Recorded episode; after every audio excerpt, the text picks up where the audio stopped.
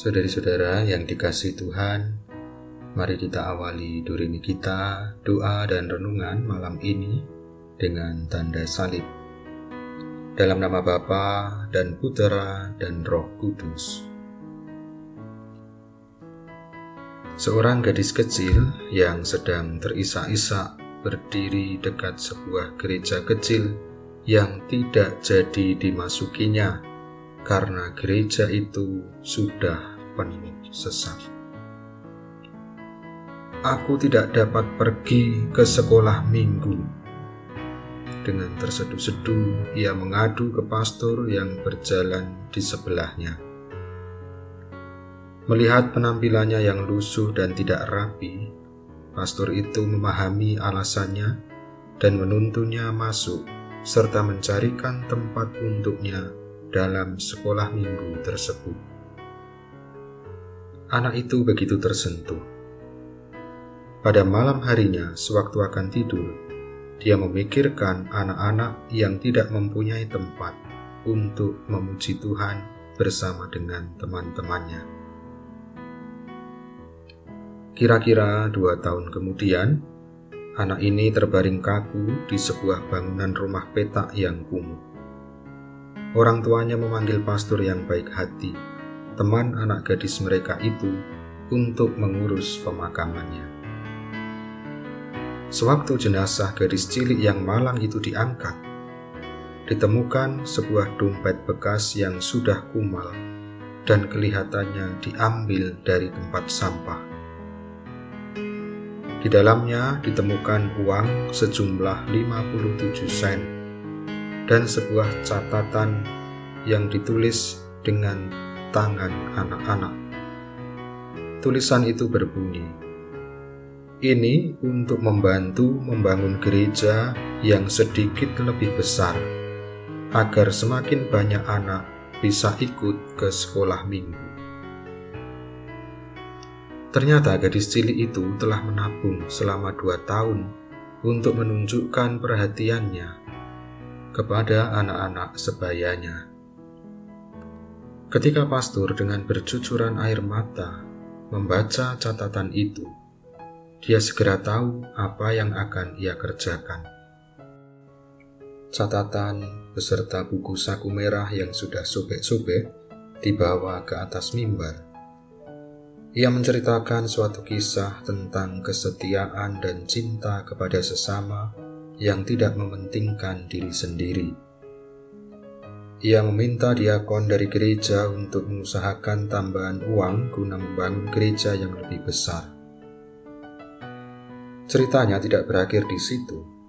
Sebuah kantor berita dan surat kabar mempelajari kisah itu dan mem mempublikasikannya. Artikel itu dibaca oleh seorang makelar yang segera menawari mereka sebidang tanah yang berharga ribuan dolar. Ketika disampaikan bahwa gereja tidak mampu membayar sebanyak itu, si makelar menawarkan tanah tersebut seharga 57 sen. Anggota-anggota gereja juga memberi banyak sumbangan. Cek berdatangan dari mana-mana. Dalam kurun waktu lima tahun, pemberian gadis kecil ini telah melonjak menjadi 250 ribu dolar, suatu jumlah yang sangat besar pada masa itu di awal abad ke-20. Cintanya yang tak mementingkan diri sendiri telah terbayar.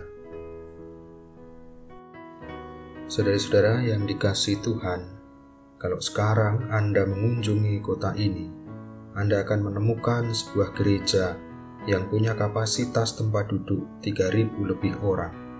Ada sebuah universitas tempat mahasiswa dididik, ada rumah sakit, dan ada gedung sekolah minggu yang menampung ratusan anak-anak, sehingga tidak akan ada lagi anak-anak yang berdiri di luar gedung selama aktivitas sekolah minggu sedang berlangsung.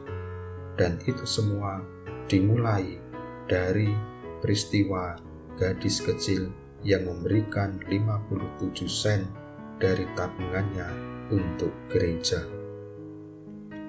Mari saudara-saudara yang dikasih Tuhan, kita boleh bersyukur atas apa pun yang telah kita terima di dalam hidup kita, dan mari kita juga mencoba untuk memberikan diri kita dengan cara kita masing-masing sebagai persembahan bagi Tuhan. Mari sebelum kita beristirahat malam ini, kita mohon kerahiman dan belas kasih Tuhan.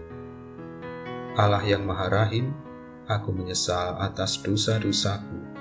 Aku sungguh patut engkau hukum terutama karena aku telah tidak setia kepada Engkau yang Maha Pengasih dan Maha Baik bagiku. Aku benci akan segala dosaku dan berjanji dengan pertolongan rahmatmu hendak memperbaiki hidupku dan tidak akan berbuat dosa lagi. Allah yang Maha Murah, ampunilah aku, orang berdosa ini. Salam Maria, penuh rahmat Tuhan sertamu. Terpujilah engkau di antara wanita, dan terpujilah buah tubuhmu Yesus. Santa Maria, Bunda Allah, doakanlah kami yang berdosa ini, sekarang dan waktu kami mati.